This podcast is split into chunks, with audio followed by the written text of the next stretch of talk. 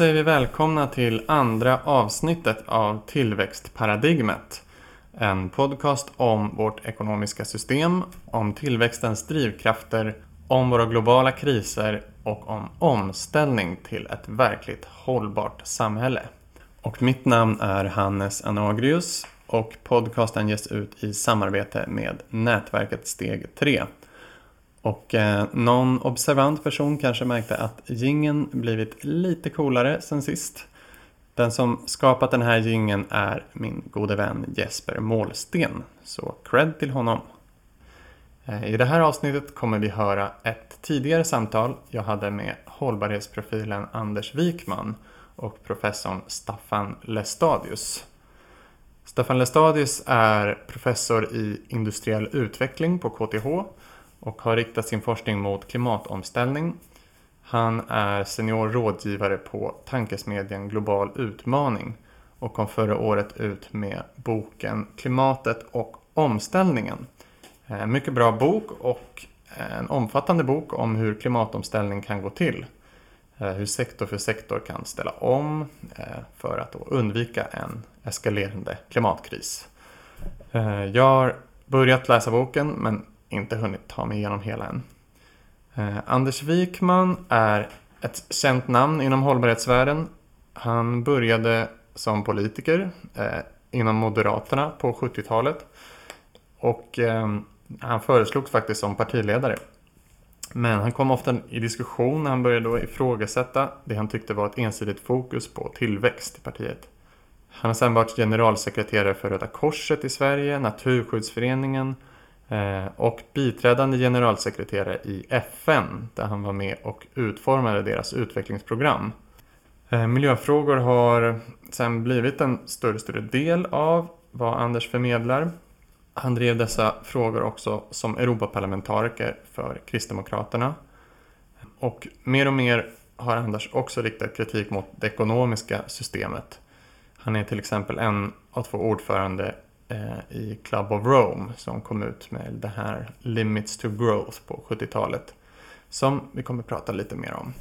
Och på senare år har han skrivit flera böcker, eh, två tillsammans med miljöforskaren Johan Rockström som heter Den stora förnekelsen och Bankrupting Nature. Eh, vilka då behandlar planetens gränser, cirkulär ekonomi och så vidare. Och eh, senast har Anders Wikman skrivit boken Come On Capitalism, Short Termism, Population and the Destruction of the Planet. Mm, rakt på sak. Och vi kommer höra honom prata lite om den boken om ett litet tag. Och i det här avsnittet kommer vi prata om hur utsläppen och materialanvändningen sett ut under andra delen av 1900-talet, den tid man då brukar kalla the Great Acceleration. Hur ser utsikterna ut för det man kallar för decoupling, alltså frikoppling av tillväxt från utsläpp och miljöförstörelse? Vi kommer prata om klimatomställning.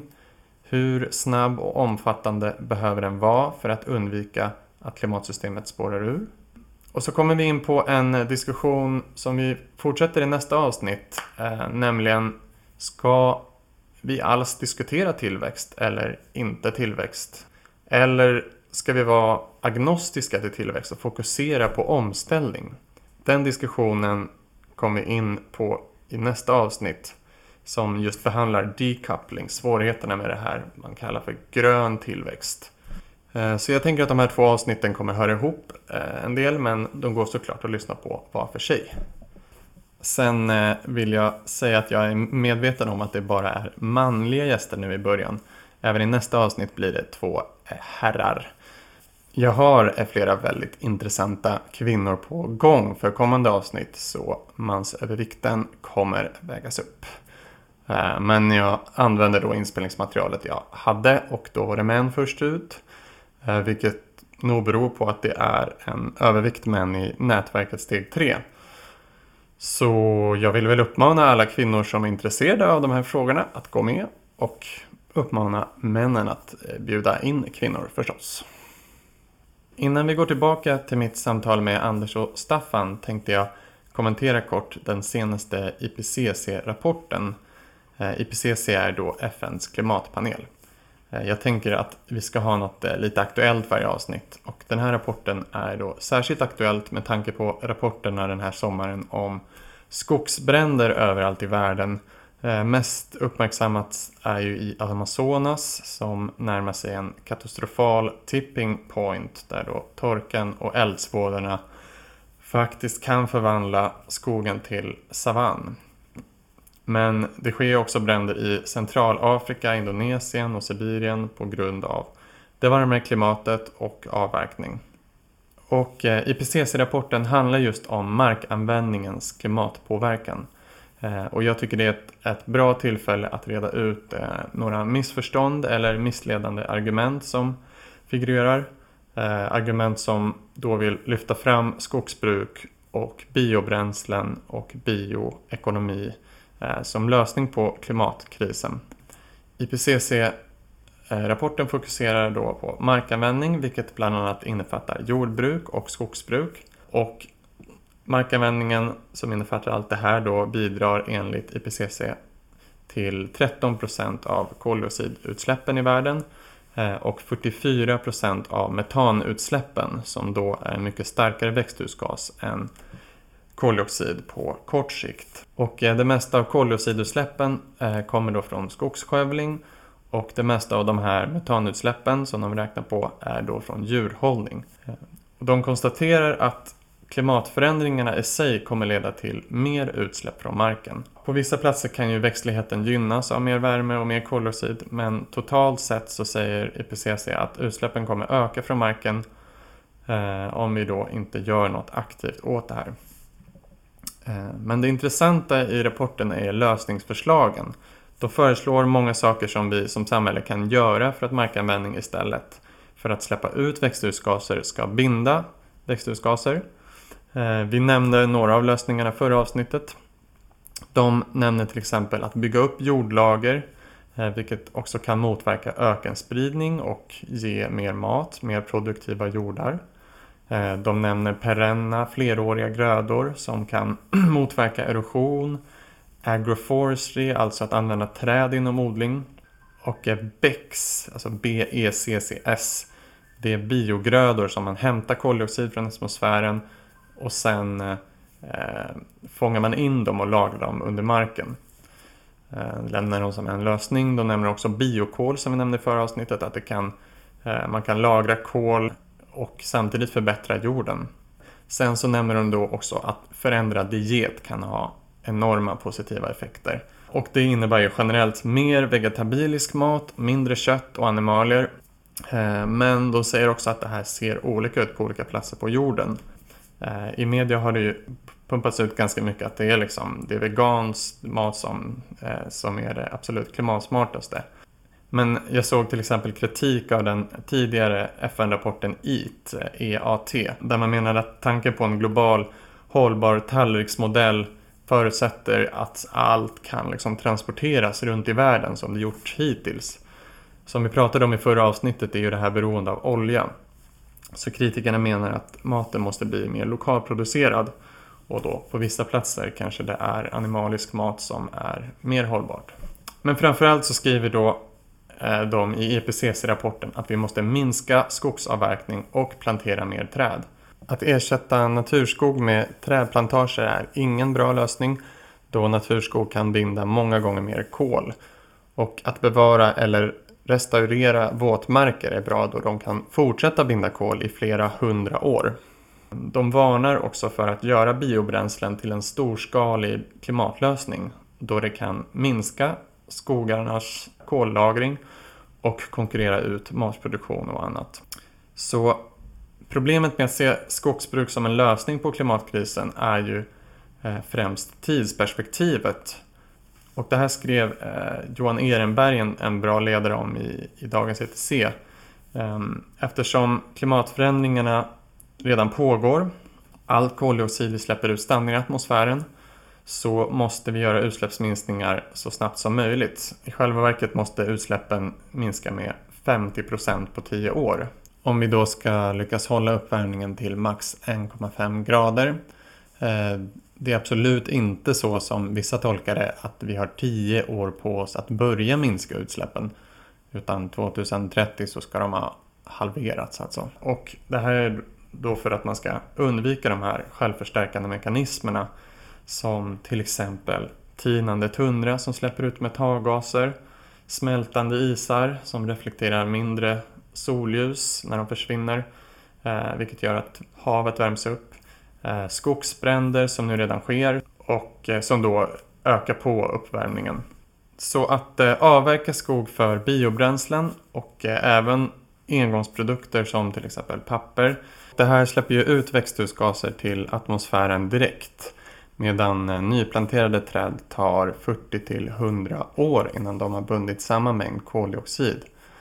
Så i det här tioårsperspektivet som vi har på oss eh, blir ju då biobränslen och kortlivade träprodukter från skogen lika illa för klimatet som fossila bränslen och plast. Åtminstone ur ett klimatperspektiv. Och precis det här skrev Ehrenberg i sin ledare och fick då en motreplik. Och det här svaret är intressant. I repliken menar man att eh, vi måste se skogen som en helhet. Avverkar vi på ett ställe så växer det upp på ett annat. Eh, så om tillväxten i Sverige är högre än avverkningen är det ingen fara enligt den här repliken. Eh, men det här bygger på ett kompensationstänk att ett områdes tillväxt kan kompensera för utsläpp från ett annat område. Eh, men Nordlig skog slutar inte binda koldioxid. Om de står kvar, träden står kvar under en lång tid så fortsätter de binda kol både i marken och i, i trädstammarna. Så då undviker vi ju både eh, de direkta utsläppen och fortsätter binda koldioxid. Eh, I dagens klimatkris så borde ju skogen inte vara klimatneutral utan den har ju egentligen två uppgifter. Dels binda koldioxid eh, från skogsavverkningen själv som vi måste ha eh, och eh, dels eh, binda koldioxid från de fossila utsläppen. Eh, så det är ju mer skogens potential som kolsänka som är det viktiga.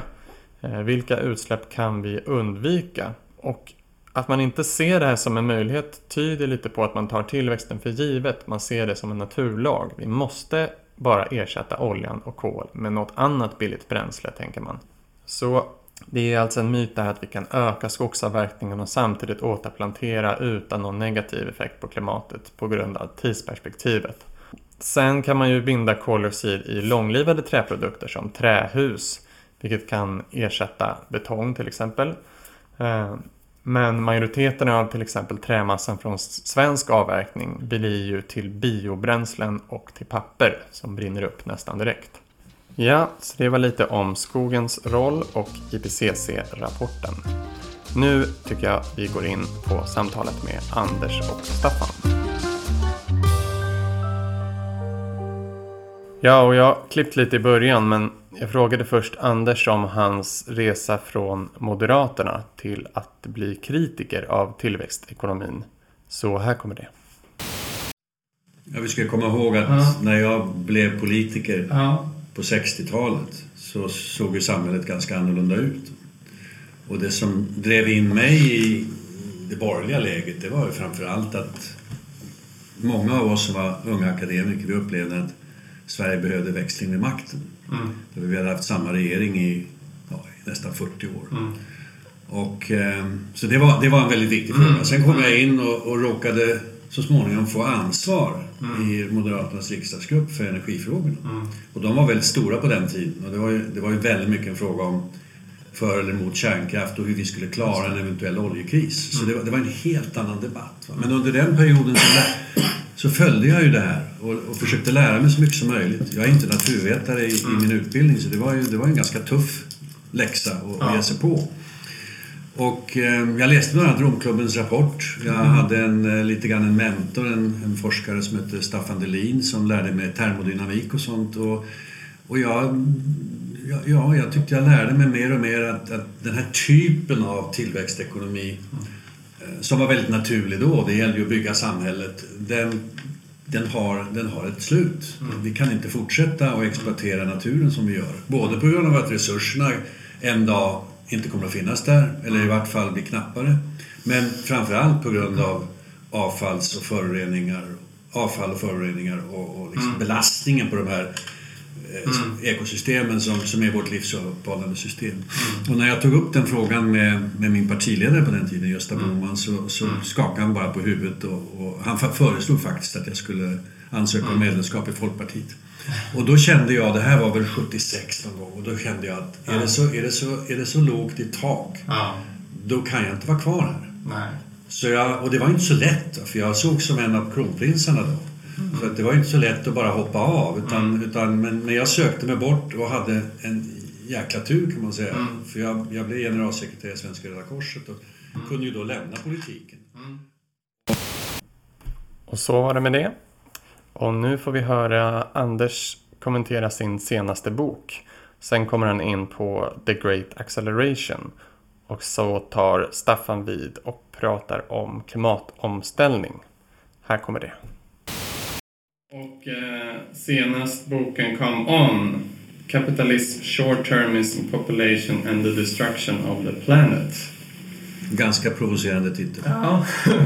Come On låter ganska positivt. Bara det var så här, eh, vi hade Springer som mm. förlag ja. för den engelska upplagan och vi ville egentligen, Ernst von Weizsäcker och jag som skrev boken, vi ville egentligen ja. ha titeln Quest for a New Enlightenment. Ja, vi skulle vilja ha en ny upplysningstid. Ja. Och vi tar liksom vår avstamp i upplysningstiden ja. i resonemangen i boken och konstaterar att den var ju väldigt bra på många sätt. Den satte mm. kunskapen i centrum och så vidare. Och så vidare. Mm. Men den hade ett stort fel. Mm. Den var väldigt reduktionistisk. Mm. Den tittar på helheten och tror att man kan förstå den genom att bara stycka sönder den i sina delar. Och så enkelt är det inte. Och att vi fortfarande lider av att hela det akademiska systemet är så vertikaliserat. Men när Springer då fick höra den titeln, då sa mm. de att det är ingen människa i Amerika som vet vad enlightenment är, så att ni får hitta en annan, en annan titel. Och då, och då blev det Come On. Men det vet alla vad det är i alla fall. Ja. Ja, men jättebra. Du kan få prata lite mer om det. Eh, för det är ju lite av en fortsättning på eh, det som Club of Rome, eh, den rapporten som de kom ut med på 70-talet, som, som heter Limits to Growth. Ja, vi tar, vi tar, vi tar, vi tar mycket vår avstamp i den. Ja. Och eh, Staffan, eh, du är professor i industriell utveckling på mm. KTH i Stockholm. Och, eh, Emeritus betyder jag är pensionerad så jag kan fokusera mer på jag tycker det är viktigt ja, just att släppa en del av de gamla åtagandena. Du kan göra lite vad du vill nu. Så kan man väl säga det, ja. Och det gör jag. Och jag är inte, jag är inte emeritus, men jag är pensionär också. Du är pensionär, ja. Så jag sitter här med två pensionärer det känns jättekul att ni är här. det är Great Acceleration brukar man tala om och det är mm. Will, Will Steffen som tillsammans med Johan mm. Rockström tog fram mm. plan, Planetens gränser eller Planetary mm. Och han pekar ju på att på alla tänkbara områden Vare sig vi talar om materialefterfrågan eller trycket på olika ekosystem och, ja. och naturresurser så, så, är det hockeyklubbar uppåt. Ja. Och han, han, konstaterar att det här har skett under 50 år, sedan andra världskrigets slut. Mm.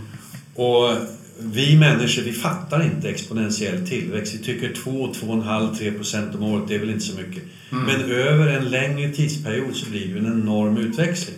Precis, och det här med att ökningstakten också ökar. Ja. Inte bara blir mm. större och mer utan Ja, det är det som är exponentiell tillväxt. Precis, det är det som är att delen av kakan... Det finns ju en, en enkel tumregel. Man har mm. talet 70 och så dividerar man det med tillväxten per år och då får man fördubblingstakten på ekonomin. Så är det då 3,5 procent om året, då fördubblas ekonomin på 20 år. Den fyrdubblas på 40 år, den åttadubblas och så vidare. Notera att under den här perioden efter andra världskriget när vi har haft the great acceleration. Det är under den perioden som i stort sett alla nu levande ekonomer har levt och som har varit en naturlig del i deras eh, ja. och i, i vår verklighet. Mm. Så att eh, all, i stort sett har all tillväxtteori formulerats under den här perioden också. Mm. Det är som om det här är det naturliga tillståndet i världen. Och i ett långsiktigt perspektiv så är den här the great acceleration ja åtminstone hittills en parentes. Precis. Och det innebär att man bygger upp hela sitt paradigm ja. på en föreställning som historiskt är en parentes och mm. som det inte, där man inte har rätt ut heller om detta är möjligt, vilket man borde göra om man är så mm. pass bra i sin modellformulering som ju mm. väldigt många moderna ekonomer är. Ja. Um, men uh, Anders då, liksom, var, varför har allt det här hänt då under andra delen av 1900-talet? Eh, vad, vad, är det som har drivit det här och vad är, Ja, är det liksom inbyggt i vårt ekonomiska system att det måste vara så här? Ja, det är det på så sätt att du har mer eller mindre linjärt samband mellan då produktionstillväxten och det är det vi mäter i BNP. Det är, det vi, det vi, det är så vi mäter att samhället går framåt. Ja. Det, är vår, det är vår välfärdsindikator. Mm. Fortsatt, trots att redan den som först lanserade det här, mm. det här sättet att räkna, Kuznets på 30-talet. Mm. mm. Det var ju så att president Roosevelt hade sagt till honom, jag behöver veta aktivitetsnivån i ekonomin, för då var ju i en depression. Mm. Och han skulle ta fram då ett mått som så att man kunde se om, om ekonomin stagnerade eller om den, den ökade i omfattning. Mm. Och då sa han i sitt förord där att blanda nu inte ihop det här med välfärd. För att ekonomin när den ökar på det här viset, välfärden kan öka men den kan också minska. Det beror precis på vad det är för typ av tillväxt. Mm. Men, men, så det här är ju då ett, ett problem. Att vi har, vi har, vi har talat sedan Brundtlandrapporten 1987 om att vi ska avlänka, decouple, ekonomisk och, tillväxt. Och, från, och, och det har inte, det har inte skett. Berätta då vad, vad BNP är. Ja, BNP är ju den samlade produktionen av varor och tjänster kan man säga. Mm. Eller sett från konsumtionssynpunkt, mm.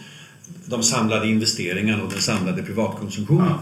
Så att, och det är marknadsvärdena på alla Ja, ja just det. Just det. Så att, så att, men men det, det, det trista är då att bortsett från några få länder, typ Sverige, där vi nu ser att det är en viss ut, utfasning av energiefterfrågan. Energiefterfrågan har legat, framförallt på elsidan, still de sista 20-25 åren. Och det betyder ju att vi har blivit mycket effektivare. Men materialefterfrågan i världen, den ökar och den ökar nu just nu snabbare. Mm. Så där har vi inte en decoupling utan vi har en recoupling. Och det beror ju på att det är cement, stål, plast, aluminium, textilier, inte minst i de stora utvecklingsländerna Mm. Alltså Kina använde lika mycket cement mellan 2011 och 2013 som Amerika använde på hela 1900-talet. I sammanfattning kan man säga att både när det gäller materialanvändningen och fossilbränsleanvändningen så har vi haft efter andra världskriget en fördubblingstakt på 25 år. Och det finns inga tecken på att den har avtagit. 1940, 1965, 1990, 2015. Varje 25-årsperiod fördubblade vi vår användning av material som vi plockar upp ur jorden på olika sätt eller så, mm. och vårt fossila bränsle. Precis, det är det där som är så svårt att förstå hur det går snabbare. Jag insåg för ganska nyligen att eh, jag föddes 1988 och efter, efter jag har fötts så har mänskligheten släppt ut eh, mer växthusgaser mm. än, än någonsin har gjort i hela världshistorien. Mm. Och det, det hade inte jag liksom greppat. Att, Eh, det på, på, på 30 år liksom, har vi gjort så stort avtryck. Liksom. Och så sent som i fjol när vi har haft efter 30 om man vill 40 år av klimatdiskussioner så ökade fossilbränsleanvändningen med åtminstone 1,7 procent. En del prognoser säger upp till 2,7 procent. Mm. Alltså det borde ha minskat med 7 procent eller någonting i den stilen. Förra året, förra året investerades ungefär 350 miljarder dollar i förnybar energi. Mm. Men det, det, det, var fyra gånger så mycket pengar som sattes i olja, mm. kol och gas. Mm. Så att det, det, även den balansen, och, och då vet vi att varje gång vi sätter in pengar i en sån här stor anläggning som ska exploatera olja, mm. gas eller, eller göra någonting med fossila bränslen så de skrivs ju inte av på ett år, de skrivs av på 15, 20, 25 år. Ja. Så vi låser ju fast oss ännu mer. Ja. Så att det här, är, det här är en helt omöjlig utveckling. Precis, och det är det här man, man uppmärksammar ju gärna att det byggs så mycket förnybar, det byggs ut så mycket förnybar energi med solceller och vindkraftverk. Eh, men jag tycker ett bra exempel eh, förra årets rapport från eh, International Energy Agency mm. då som visar att all den här utbyggnaden av förnyelsebar el eh, tillsammans med alla energieffektiviseringar, alla de utsläppsminskningar på grund av det, det åts upp mm. två gånger om av den globala tillväxten. Mm. mm. Så då liksom spelar det ingen roll om man bygger jättemycket solceller och vindkraftverk om man ändå fortsätter att bränna kol och olja. Det är klart att om, om, vi, hade en, om vi hade en mycket större bestämdhet mm. i vart vi ska. Mm. Om, om, världens ledare sa nu ska, vi, nu ska vi se till att vi bygger upp det här förnybara systemet med mm. hjälp. Det måste ju byggas upp med hjälp delvis av fossila bränslen. Mm. Så de utsläppen får vi ta för att bygga oss en bättre framtid. Men, men vi har ju inte den beslutsamheten. Nej. Jag menar, Amerika går delvis åt motsatt håll. Mm. Kina, där är det stora frågetecken. Europa, ja, men det går för långsamt. Mm. Eh, tittar vi på utvecklingsländerna, vilket jag har gjort, mm. det, det, investerades 170 miljarder dollar i förnybar energi i det vi kallar utvecklingsländer 2017. Mm. Men av det var 130 miljarder dollar i Kina. Mm. Det var väldigt lite i Afrika, väldigt ja. lite i Latinamerika, väldigt lite i resten av Asien. Så att, och, och, människor behöver tillgång till modern energi för att kunna, kunna mm. bekämpa fattigdomen. Visst. Och det är klart att en regering som då inte har tillgång till alternativ, de bygger ut olja, kol och gas. Ja. Så att det här, är, det här är en kamp med tiden, men det är också en kamp med politiskt ledarskap. Verkligen. Och eh, Staffan, i din bok pratar du om att det här man måste bygga upp och investera men också avveckla samtidigt. Liksom. Mm. Men först vill du säga något om klimatkrisen. Liksom. Eh, vad, vad, för det första, då, vad, vad händer liksom om, om vi inte gör någonting? Om vi bara fortsätter med mm. business as usual. Ja, alltså, Vad händer då? Jo, men allvaret i det här, jag ska vara väldigt kortfattad på det. Det ena är ju att eh, kollektivutsläppen går nu snabbare, snabbare än någonsin. Nivån är högre än någonsin och mm. ökningstakten är högre än någonsin. Just ja. i dagarna nådde vi året Pratar vi om världen nu? Eller? Nu pratar jag globalt. globalt ja. Eh, och bara nu i dagarna så nådde vi en nivå på koldioxidhalten i atmosfären på 415 parts per million. Nu är inte det säsongrensat men det svarar mot. Att vi har 410-411 i ett genomsnitt över året. Och vad och, betyder det? Vad, det vad är hållbart? Liksom? nej, man kan hävda att 350 pars per million brukar en del hävda. Det var vi liksom, vore det absolut ideala att, mm. att landa i. Men 380 vore kanske också någonting. Okay. Vi är alltså långt över det. Och det är, en, det är en utmaning. Och de här den koldioxiden försvinner ju inte i atmosfären utan den är ju kvar tusen år då. Om man inte binder det på olika sätt. Ja, och, och, och, och det här är kombinerat med mm. temperaturhöjningar, isavsmältning, havsnivåer som stiger och annat. Och det här mm. pratar vi många om och det är alltså en viktig del för oss att sätta oss in i. Och det verkar ju som att åtminstone de, de unga skoleleverna förmår sätta sig in i detta. Jag är mm. förvånad över att så få i den politiska debatten i övrigt ja. vågar ta, ta, ta de här siffrorna på allvar. Men det är bara en dimension. Det, det finns också, också en dimension i vad vi kan hantera. Och då har vi en rent fysiologisk... Eh, människan har aldrig levt och har ingen erfarenhet av att leva i mm. ett samhälle med de temperaturer som, och, som vi nu går, går mot inom loppet av faktiskt det här mm. århundradet. Uh, två grader och så vidare. Och redan nu är vi och tangerar på 1,5 graders målet. Första kvartalet i år var det globalt sett 1,3 grader varmare än vad det var mm. vid det förra sekelskiftet år 1900. Mm. Och det kommer att fortsätta per automatik så det här 1,5 graders målet har vi nog i praktiken bakom oss. Det är du tror att det är, försvars, Försvarslinjen ligger någonstans vid 2 graders målet nu. Men som man säger är väldigt farligt. Ja, jag tror det är farligt. Och det Nordhaus pratar om 3,5 grader, då har han inte läst på. Men sen har vi den andra delen. Det är att det, jag tror att den stora frågan som vi nu ändå blundar för det är att det här är en kulturell och politisk kris som sammanhänger med detta. Mm. Alltså hur hanterar vi ett samhälle när vi ser att vi går mot detta? Mm. När vi ser att varje beslut, varje aktivitet vi gör förstör klimatet. Vad har det för moralisk-etiska konsekvenser. Mm. Hur börjar vi se på våra barn i det här läget när vi mm. vet att det här vi tar från så att säga, utsläppsutrymmet. Mm. Och den här dimensionen har vi bara börjat prata och inte, om. Och inte, och inte bara våra barn. Alla de fattiga människor som, ja, som har, en, som har en, en alldeles för låg standard. Precis. Så, så ja, det, är, det är två moraliska utmaningar där. Det, det är ja. något som man inte alltid räknar in när man sätter klimatmål i de rika länderna. Nej. Så säger man, ja men ni utgår från vetenskapen, okej, okay, eh, om, om de nu gör det liksom. Men utgår ni också från att ni måste ju ha mycket snabbare takt eh, på utsläppsminskningarna än vad de fattiga. Men det innebär att om man vrider på kan man säga, lite förenklat, väldigt många har trott och det finns politiska partier som fortfarande tror att klimatfrågan är en slags energifråga i första hand som ska lösas med mer energitillförsel. Ja. Men jag ser den allt mer som en fundamental kulturell och politisk kris som skapar nya utmaningar för oss. Ja. Det var en sak om allvaret. Jag vet inte om, om mm. jag ska dra slutsatser om hur, varför man då måste agera så snabbt. Mm. För det är ju ett, ett, ett tufft bidrag i min bok. Mm. Och den här snabbheten, och jag är då inte extrem, men det är då det, det, är det jag har ägnat mig åt. Hur kan man ställa om processer så pass mm. snabbt? Och, och då har du tittat mycket på Sverige? Ja, då har jag tittat på Sverige. Och eh, skälet, då kan man säga att det här borde hela världen göra, men några måste gå före menar jag. Och eh, efter 40 år av, eh, eller åtminstone 30 år av internationella klimatförhandlingar, vi har haft mm. 60 olika klimatmöten tror jag i FN-systemet. Ja. Under den perioden har ju bara utsläppen ökat. Ja. Så det finns liksom ingen empiriskt belägg att vi kan börja på global nivå. Nej. Vi ska fortsätta med det under ständigt tuffare arbete på global ja. nivå. Ständigt, alltså inte sänka garden. Men vi måste på lokal och nationell nivå mm. visa att vi tar ledningen och makten så att säga.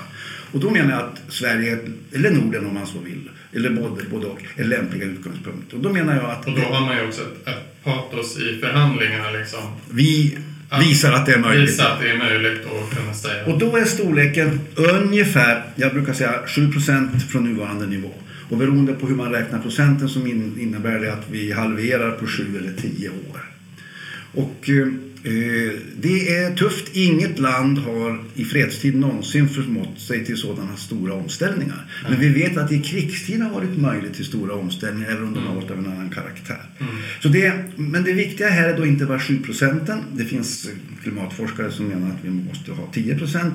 Och det kanske egentligen är Sveriges uppdrag att gå. Men det viktiga är att få igång en första 7-procentig reduktion som visar att vi är på väg. Det andra är... Och, och, och då, vad, vad, vad, skulle det innebära om vi har 7 eh, mindre utsläpp? Liksom? Vad behöver man göra då? Det är till, på de stora utsläppsområdena så måste man sortera lite men exempelvis det är bara att räkna 7 av flygresandet måste, av aktiviteten måste bort. 7% av eh, bil, vi det fossilbaserade. Ja, det är en slutsats av det. Ja. Eh, och, sen brukar jag tala om en halvering. Och, så att det inte bara 7% Och den här halveringen, att jag menar att den här första halveringen klarar vi ganska omgående. Mm. Även om det politiska stödet inte är så stort så kan man även på individnivå göra den nivån. Mm. Och den innebär också, och det tror jag är viktigt, att den här diskussionen om så här vi kan inte minska nötköttsätandet så mycket, hur ska de öppna landskapen hanteras?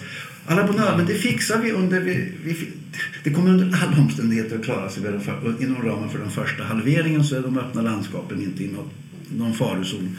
Den första halveringen av flygandet är heller inget fundamentalt problem och så vidare. Så att det är den politiska diskussion vi får föra sen hur finliret ska vara och hur det ska fördelas om vissa sektorer ska gå fram fortare eller långsammare. Men det är viktigt att komma igång och det är viktigt att ha ett snabbt mål med en första halvering och sen under den perioden så ska vi lösa det här finliret.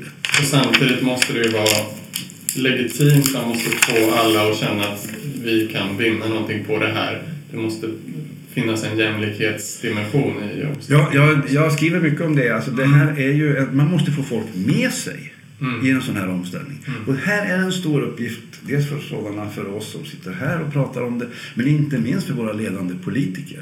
Och där menar jag att det är viktigt att våra politiska företrädare inom alla de partier som säger sig vara engagerade i klimatfrågan säger att vi ser att det här är en stor utmaning. Det är inte enbart en fråga om kärnkraft eller energitillförsel. Nej. Det är en fråga om en stor omställning som har stora, stor betydelse politiskt mm. och kulturellt. Och vi ska nu utforma de politiska styrmedlen så mm. att de både bidrar till en kraftig Mm. Reduktion av utsläppskällorna, till omställning på olika sätt, jag ska återkomma till det. Och mm. framför allt till att det inte drabbar orättvist. Mm. Och här, för att få med sig folk måste man då ge det en rimligt jämlik framtoning. Mm. Så att folk ska inte kunna uppfatta att vi här i botten ska bära bördorna och de i toppen ska gynnas av omställning. Mm. Och där, där skulle jag vilja säga att där är vi fortfarande, tycker jag, i början av någon slags diskussion. Mm. Mm. Och, och när, man, när jag kommer ut och pratar på landsbygden så mm. märker jag att det här med omställning det gillar ju inte de flesta människor. De skulle ju snarare vilja gå tillbaks till hur det var för tio år sedan. Mm. Och det här med klimatomställning, det, det känns som ett hot. Alltså man måste ju förklara... Men det kanske ligger något i det de säger också då. Alltså att det har blivit kanske på landsbygden svårare att leva på många sätt. För det kanske är, det är, det är längre avstånd för företag har försvunnit och samhällsservice har försvunnit. Samtidigt kan man, man finns massor med politiska instrument som man kreativt kan använda. Du nämnde ett med digitalisering. Man kan också ha någon slags ortsavdrag. Kan vi ha rutavdrag? Kan vi ha ett ortsavdrag för vissa kommuner? Och då, och då kan man välja om man vill fortsätta betala sin bensinskatt eller använda mm. pengar. Man kan ha den kanadensiska modellen med någon slags återbetalningssystem. Just det. Så det finns flera olika modeller för detta. som liksom men, och det, Jag skulle vilja kommentera också när, när Staffan pläderar då för mm. 7-8 procents reduktion av utsläppen mm. varje år man ska ha klart för sig då att på vissa områden går det ganska enkelt mm. att ta sig ner.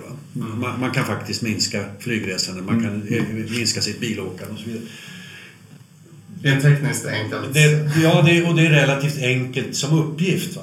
Däremot, däremot så, om nu stålproduktionen ja. svarar för 10% av utsläppen i landet, ja. vilket den gör, drygt. Mm då är det inte så lätt från ett år till ett annat att tänka bort de utsläppen. Nej. Därför det går inte att ändra på, på masugnarna. De, de, håller ju, de håller ju på med hy, hybrid nu, som, när man ska ha vätgas som reduktionsmedel. Och det är mm. jättebra. Det går för långsamt, det, man börjar ösa mer pengar på det så att det går snabbare. Det är samma sak med cement. Eh, både stål och cement, stora utsläppskällor. Textilier, stor utsläppskälla. Det är inte så mycket utsläpp i Sverige men totalt sett globalt. 6-7 procent av, av, av mm. koldioxidutsläppen har att göra med konfektion. Mm. Det tänker vi sällan på. Ja, det där går ju inte att ändra på från ett år till ett annat. Så därför, må, därför måste man ju vara överens om att okej, okay, på vissa områden kan vi dra ner. På andra områden så kommer det ta tid. Ja. Men vi måste ju då inse vad omställningen kräver långsiktigt.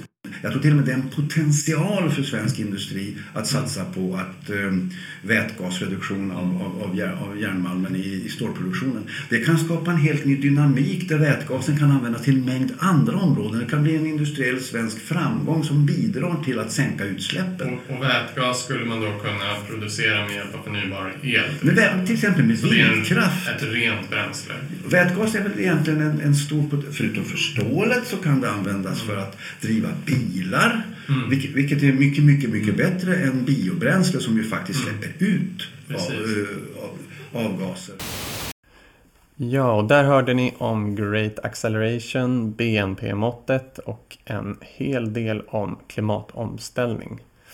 Nu eh, hoppar vi vidare till diskussionen om vi ska kritisera själva tillväxten eller låta den diskussionen vara och fokusera på omställning. Jag brukar ju säga att jag brukar säga vi skippar tillväxtdiskussionen här. Utan jag brukar fokusera att det är omställning som gäller. Och det är egentligen vad Anders pratar om när han pratar om transformation också. Mm. Och det, här gäller det alltså att få ordning på det hela. Det är inte så att vi först som en del tror ska ha någon slags tillväxt och den ska skapa resurser med vilken vi ska kunna ställa om.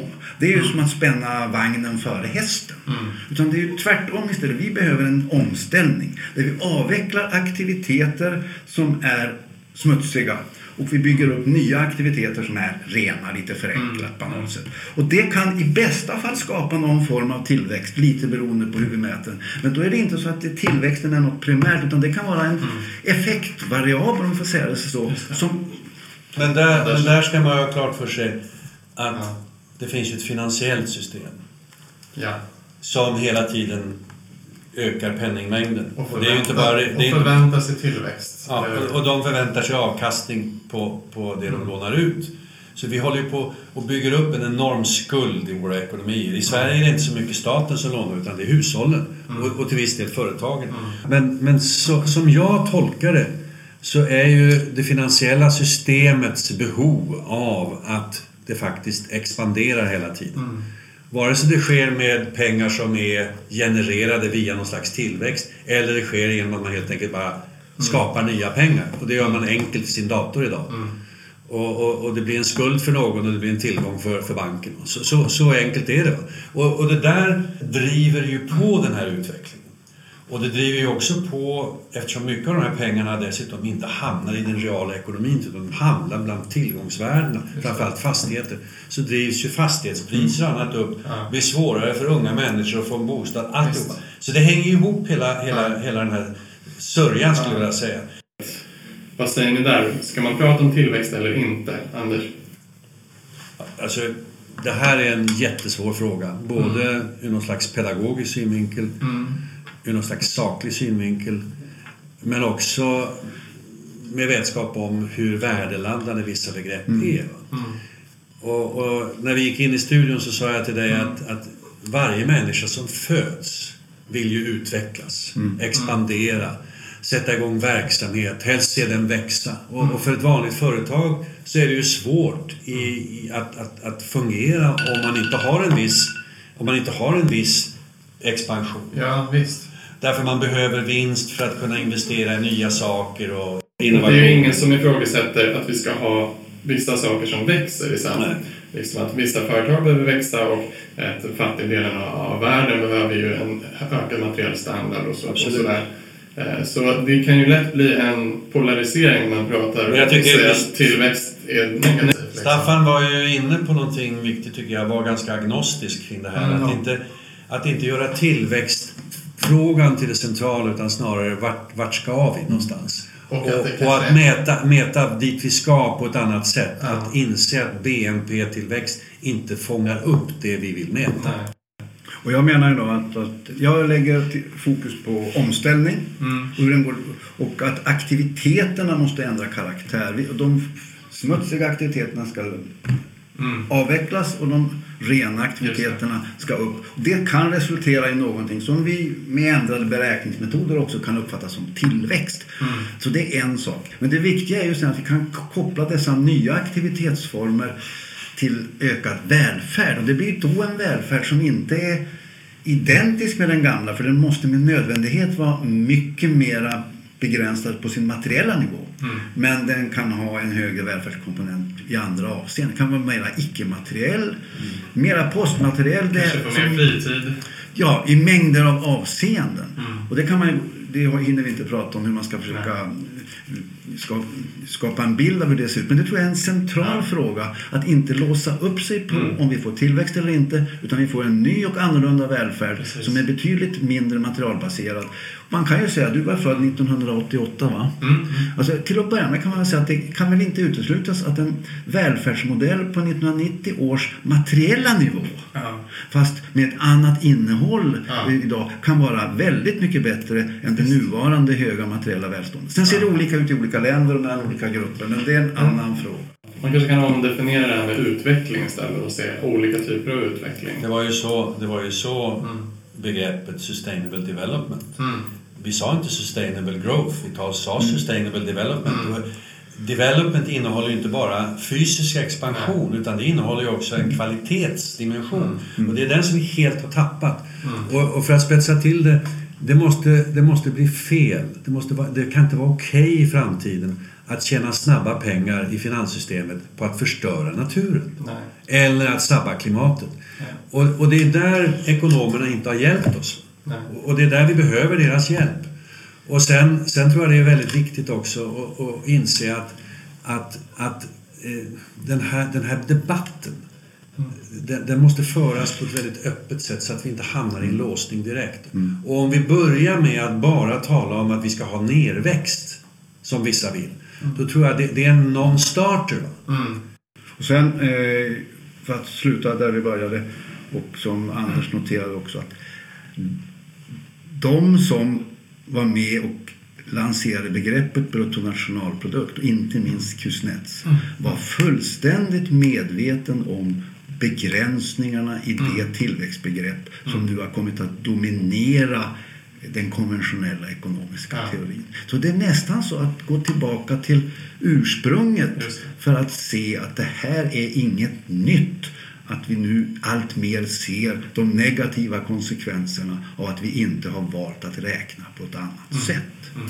Ja, kommer vi lyckas övertyga dem, ekonomerna och politikerna? Ja, så jag tror att vi vi har ju en väldig hjälp av de här ungdomsprotesterna. Mm. För, för de har ju verkligen satt... Mm. De, har, de har gjort att temperaturen har höjts i den här debatten, utan tvekan. Så det går inte längre att, att bara stå vid sidan av och, och, och vifta bort det här. Um, men jag menar, Rom byggdes inte på en dag och det här, det här är... Mm. Det tog lång tid att avskaffa slaveriet. Det, mm. det, det, här, är, det här är en jätteutmaning. Ja.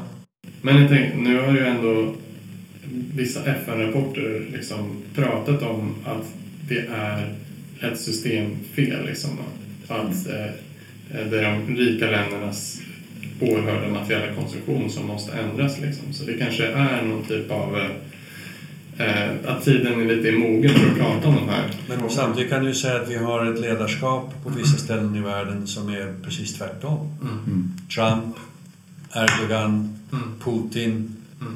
Eh, han killen i Filippinerna, mm. Bolsonaro i Brasilien. Det är ju eh, chefer eller ledare för stora länder som har en enorm betydelse. Det hade ju varit enklare Låt oss säga att Kinas ledare, Rysslands ledare, EUs ledare och Amerikas ledare, låt oss säga att de var överens om att gå åt ett visst håll. Mm. Då skulle det här vara otroligt mycket enklare. Nu är de ju inte... Och i Trump-administrationen sitter ju själva liksom, eh, oljeföretagen. Okej, okay, och jag tror att det som förenar Trump och Putin, jag tror att de bägge två inser att olja och gas har ett slut någon gång. Men de vill förlänga den perioden så länge som möjligt. Ja. För så, så fort marknaden börjar inse att det finns, ett, det finns ett slut, då kommer de att devalvera värdena på aktierna och på ja, marknadsvärdena på de här företagen. Så de har ett intresse, mm. både utifrån egen utgångspunkt och från sina länders utgångspunkt, att, att hålla, hålla kvar föreställningen att vi kommer att vara beroende av det här länge. Och allt fler företag och företagsledare börjar ju faktiskt inse det. är ju inte så att de är okunniga heller. Utan det här är ju en kamp naturligtvis inom företagen mellan hur långsiktigt ska vi agera och inte. Och att det är ju, jag tror det händer. Den stora utmaningen är Händer omställningen tillräckligt snabbt? Ja. Och mitt huvudbudskap är att för närvarande har vi inte ens börjat. Nej. Det håller jag med om. Då får vi ta och börja helt enkelt. Ja. Och eh, tack så jättemycket för att ni kom hit, Anders och Staffan. Tack. Tack. Tack för att vi fick med.